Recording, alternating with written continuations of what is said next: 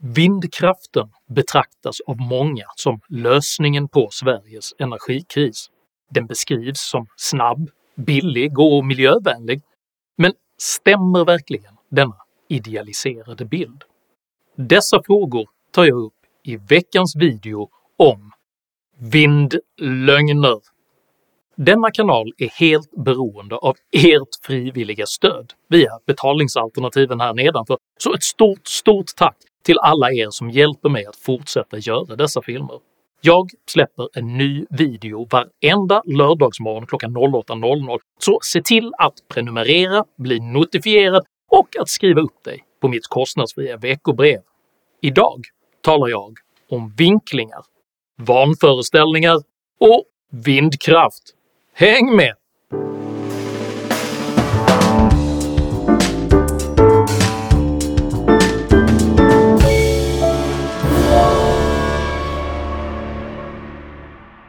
När jag nu såg på allt vad som händer under himmelen, se, då var allt förfänglighet och ett jagande efter vind.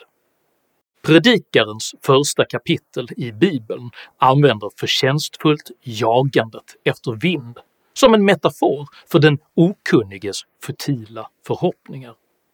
Även Sveriges energipolitik präglas av okunskap och förhoppningar och jag vill därför idag konstruktivt och pragmatiskt försöka nyansera både debatten och kunskapsläget. Jag vill inledningsvis därför understryka två saker. Jag är inte negativ till vindkraft eller någon annan energikälla i sig, utan jag förhåller mig pragmatiskt och ekonomiskt till vad som är möjligt, effektivt och realistiskt. Det är inte heller mina egna slutsatser, siffror eller underlag som jag redovisar. Jag sammanställer bara det existerande vetenskapliga kunskapsläget. Den som uppfattar det som att misstänkliggöra vindkraften, att med vetenskapligt stöd granska dess ekonomi, produktion och konsekvenser, gör varken miljön, samhället eller vetenskapen några tjänster. Och så motarbetar du och sprider tvivel kring vindkraft, det är det du håller på med i dina Youtube-videos. Både regeringen och svensk media har under det senaste året konsekvent beskrivit vindkraften som en billig, snabb och klimatsmart lösning på Sveriges energikris. Billigt! Snabbast. Klimatsmart teknik. Men stämmer verkligen denna bild? Jag har gått igenom underlaget till vart och ett av dessa påståenden.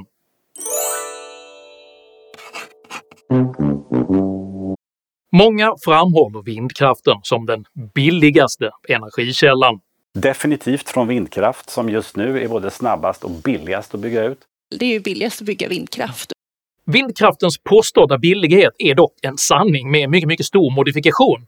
Enligt det statliga kraftbolaget Vattenfalls egna siffror kostar ett typiskt vindkraftverk idag ungefär 30 miljoner kronor att bygga jämfört med att en typisk kärnreaktor kostar ungefär 60 miljarder kronor att bygga kan detta naturligtvis framstå som mycket billigt. Men det är även ett ohederligt sätt att räkna. Kostnaden för alla energikällor måste nämligen räknas hem över deras livslängd per producerad kilowattimmes lönsamhet. Där ett kärnkraftverk har en livslängd på cirka 60 år och en kapacitetsfaktor på ungefär 90% har ett vindkraftverk en livslängd på ungefär 30 år och en kapacitetsfaktor på cirka 30%. Enligt måttet EROI, Energy Return on Energy Investment, vilket alltså mäter energiinvestering visavi energiutdelning, innebär dessa siffror att kärnkraften alltså ger tillbaka 75 gånger den investerade energin, medan vindkraften ger tillbaka ungefär 16 gånger den investerade energin. Kärnkraften är alltså nästan fem gånger mer energieffektiv än vindkraften. Utöver detta faller vindkraftens lönsamhet ju mer vindkraft som byggs. Detta beror på att de flesta vindkraftverk börjar producera el ungefär samtidigt när det väl blåser.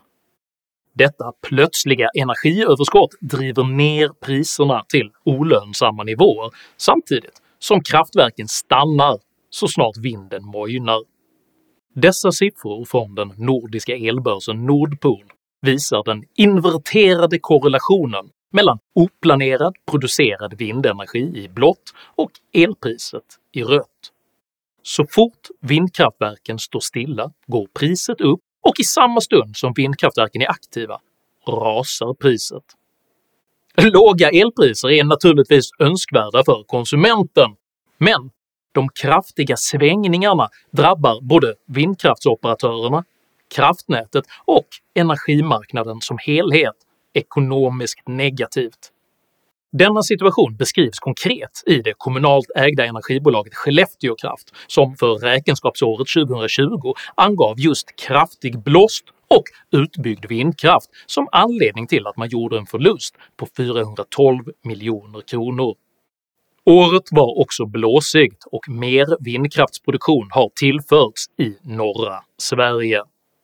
Vindkraftens olönsamhet kan i viss mån döljas genom att man inte redovisar dess mycket höga anslutningskostnader utan istället lägger dessa direkt på elkonsumentens nätavgift.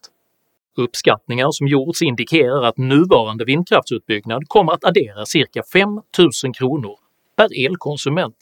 För det första finns det inga överföringsledningar där ute. Det är helt mörkat den kostnaden. Och det kommer att kosta ungefär 5 000 mer per hushåll att, att bygga de här ledningarna på nätavgifterna. Utöver dessa dolda kostnader påverkas fastighetsvärdet kraftigt negativt för de som bor där vindkraftverk byggs.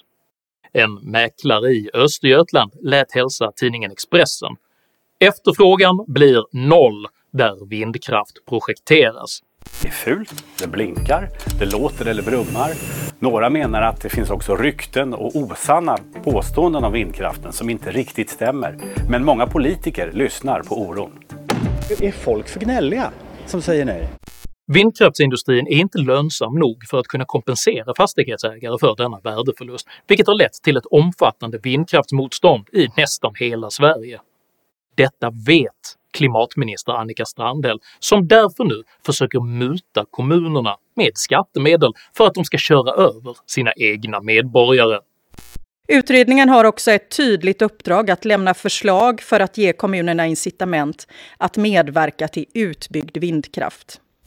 Vi ser över olika möjligheter för att förebygga en situation där kommuner tills vidare eller i väntan på utredningen avvaktar med att främja vindkraftsetablering. De som upplever att ett nytt vindkraftverk påtagligt påverkar deras livsmiljö också samtidigt måste få uppleva att de ser positiva effekter i sin omgivning i samband med etableringen. Det kan till exempel handla om en idrottsplats. Det kan handla om en utbyggd samlingslokal eller andra åtgärder som gör livet lättare och bättre där vindkraftsetableringen sker. Andemeningen är att kommunerna ska köpas för en ny simhall eller en större föreningslokal medan vindkraftens ekonomiskt negativa påverkan drabbar enskilda medborgare som råkat köpa hus i närheten av platser där vindkraft nu ska byggas. Men finns det med liksom i, i tanken att man ska ersätta liksom enskilda fastighetsägare? Och så? Nej, i, i nuläget gör det ju inte det. Vindkraftens kostnader döljs och placeras i tysthet på andra.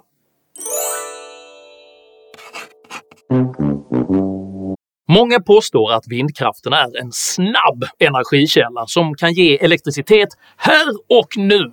Här och nu inget annat kraftslag som lika snabbt och lika effektivt kan ge lika mycket el som mer vindkraft långt ute till havs. Vindkraft är förnybar, det är billig elproduktion och det kan komma igång snabbt.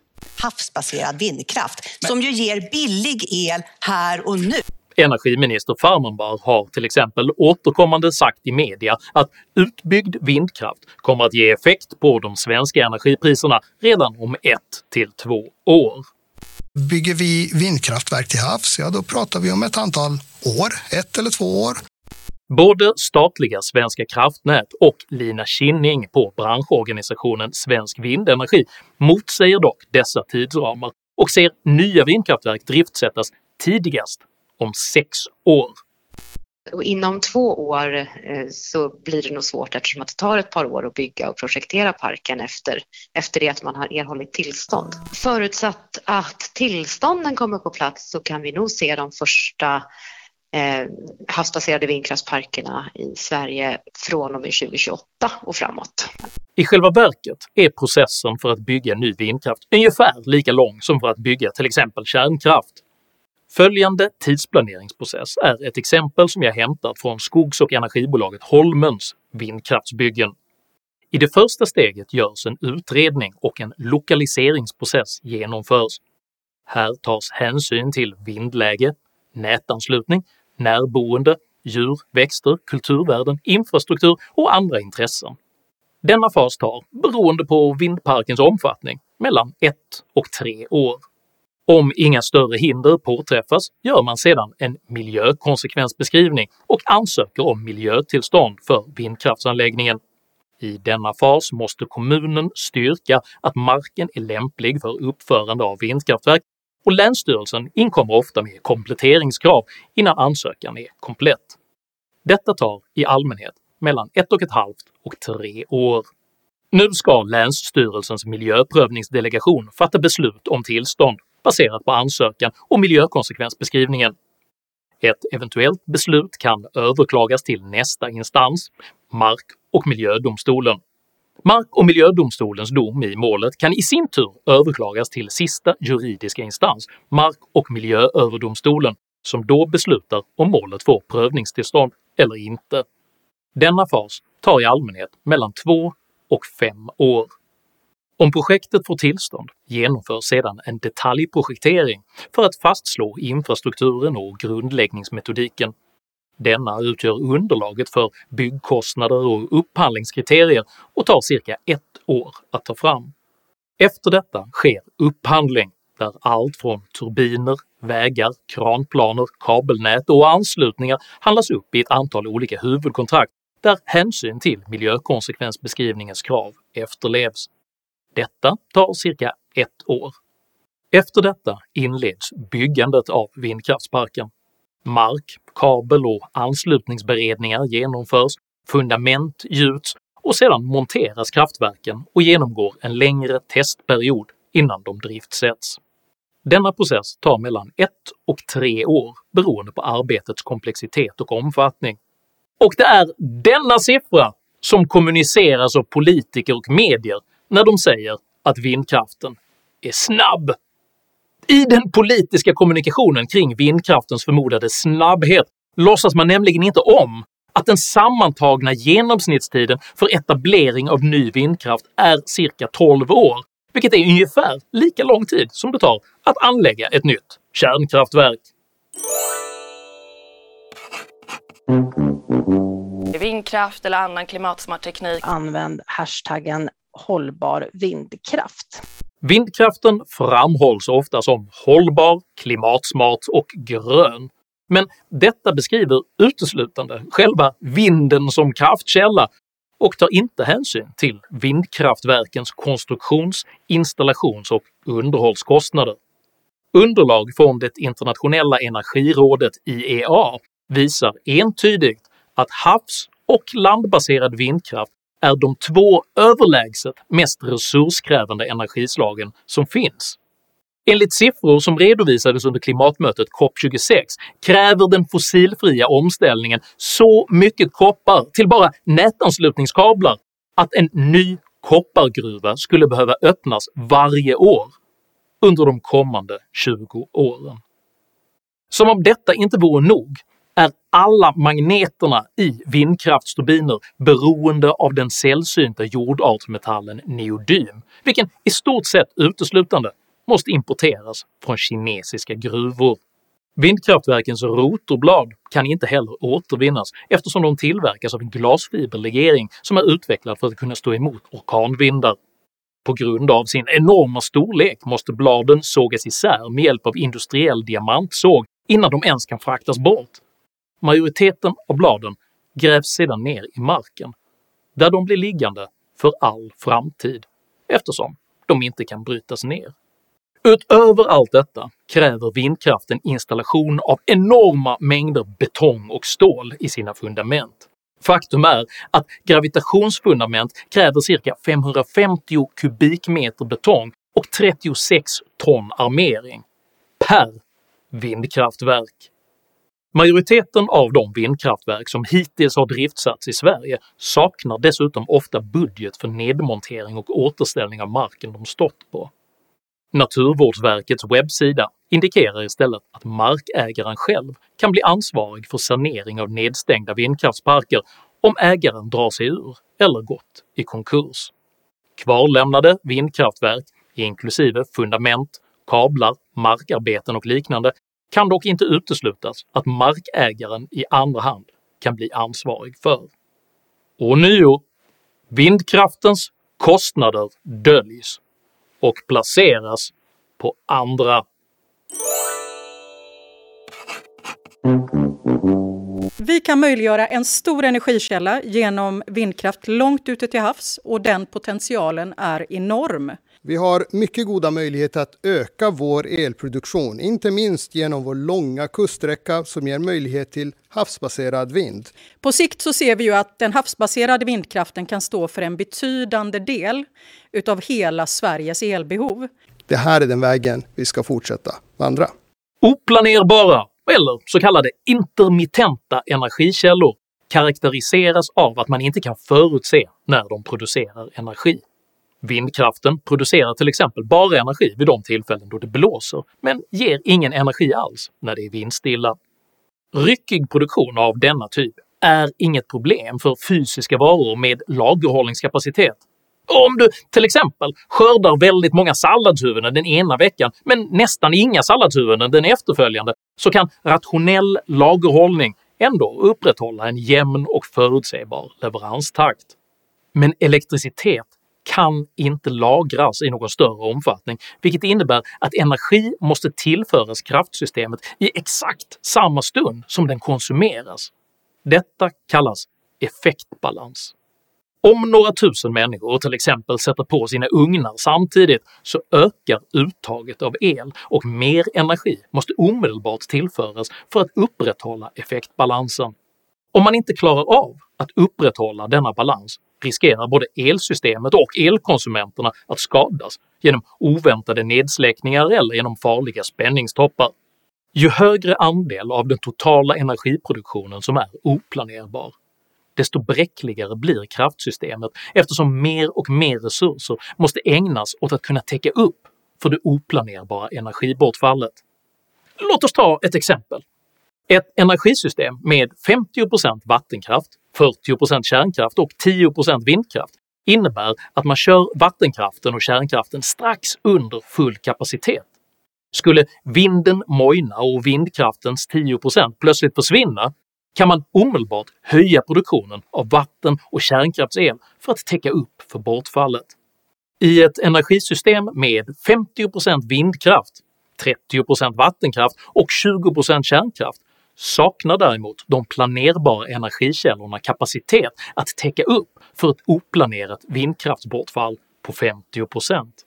Istället måste man skruva ner den totala effekten i systemet så att den oplanerbara delen aldrig är högre än vad de planerbara energikällorna har kapacitet att ersätta. Förenklat kan man säga att ju större andel oplanerbar el som finns i systemet, desto lägre proportionell mängd elektricitet kan levereras. Det är i detta läge som politiker börjar uppmana sina medborgare att ta sitt ansvar och konsumera mindre el. En icke använd kilowattimme är den billigaste kilowattimmen som man kan ha. Kodorden för detta är många, men smartare användning, energieffektivisering och energiflexibilitet betyder alla samma sak – elransonering.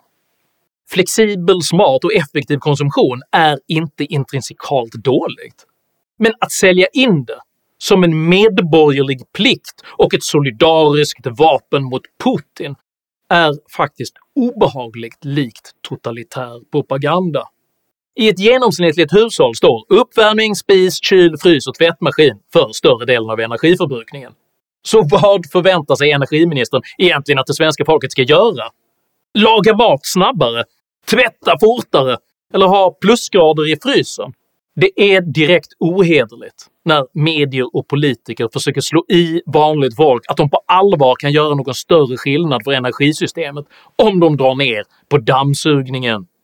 Innan man sätter på dammsugningen kan man fundera över, måste man städa just de här dagarna när det är som kallast i Sverige? Alltså jag vill på inget sätt förringa ansatsen på att försöka göra någon skillnad själv, men sanningen är att det faktiskt finns mycket få betydelsefulla energibesparingar som ett vanligt hushåll kan göra helt självständigt. Och alla försök att flytta över ansvaret för energikrisen vi befinner oss i på medborgarna är ytterst bara ett sätt att försöka undvika ansvaret för den katastrofala energipolitik som fört oss hit. Tyskland som på senare tid stängt ner större delen av sin kärnkraft och försökt ersätta den med vind och gas, driftsätter just nu en hel serie kolkraftverk motsvarande den kärnkraftsenergi man nyss stängt ner. Detta är den verkliga konsekvensen av att stänga ner kärnkraftverk. Sammanfattningsvis bör man konstatera Nej! Vindkraften är inte billig. Nej! Vindkraften är inte snabb. Nej! Vindkraften är inte klimatsmart och framför allt nej! Vindkraften löser inte energiproblemen. Eller för att återknyta till predikarens fåfängliga jagande efter vind, vers 16 och 18. Ve dig, du land vars konung är ett barn, ty genom lättja förfalla husets bjälkar. Om du uppskattade innehållet i denna video så hjälper det mig mycket om du delar den med dina vänner och kanske stöttar mitt arbete via något av betalningsalternativen här nedanför. Dela gärna med dig av dina egna åsikter och erfarenheter i kommentarsfältet här nedanför också, men jag ber dig att alltid vara artig. Jag accepterar inte aggression, personpåhopp eller rasism i mina idédrivna kommentarsfält. Tack för att du som kommenterar respekterar detta. Jag heter Henrik Jönsson och jag företräder en energirik, fossilfri och planerbar framtid. Tack för mig och tack för att du har lyssnat.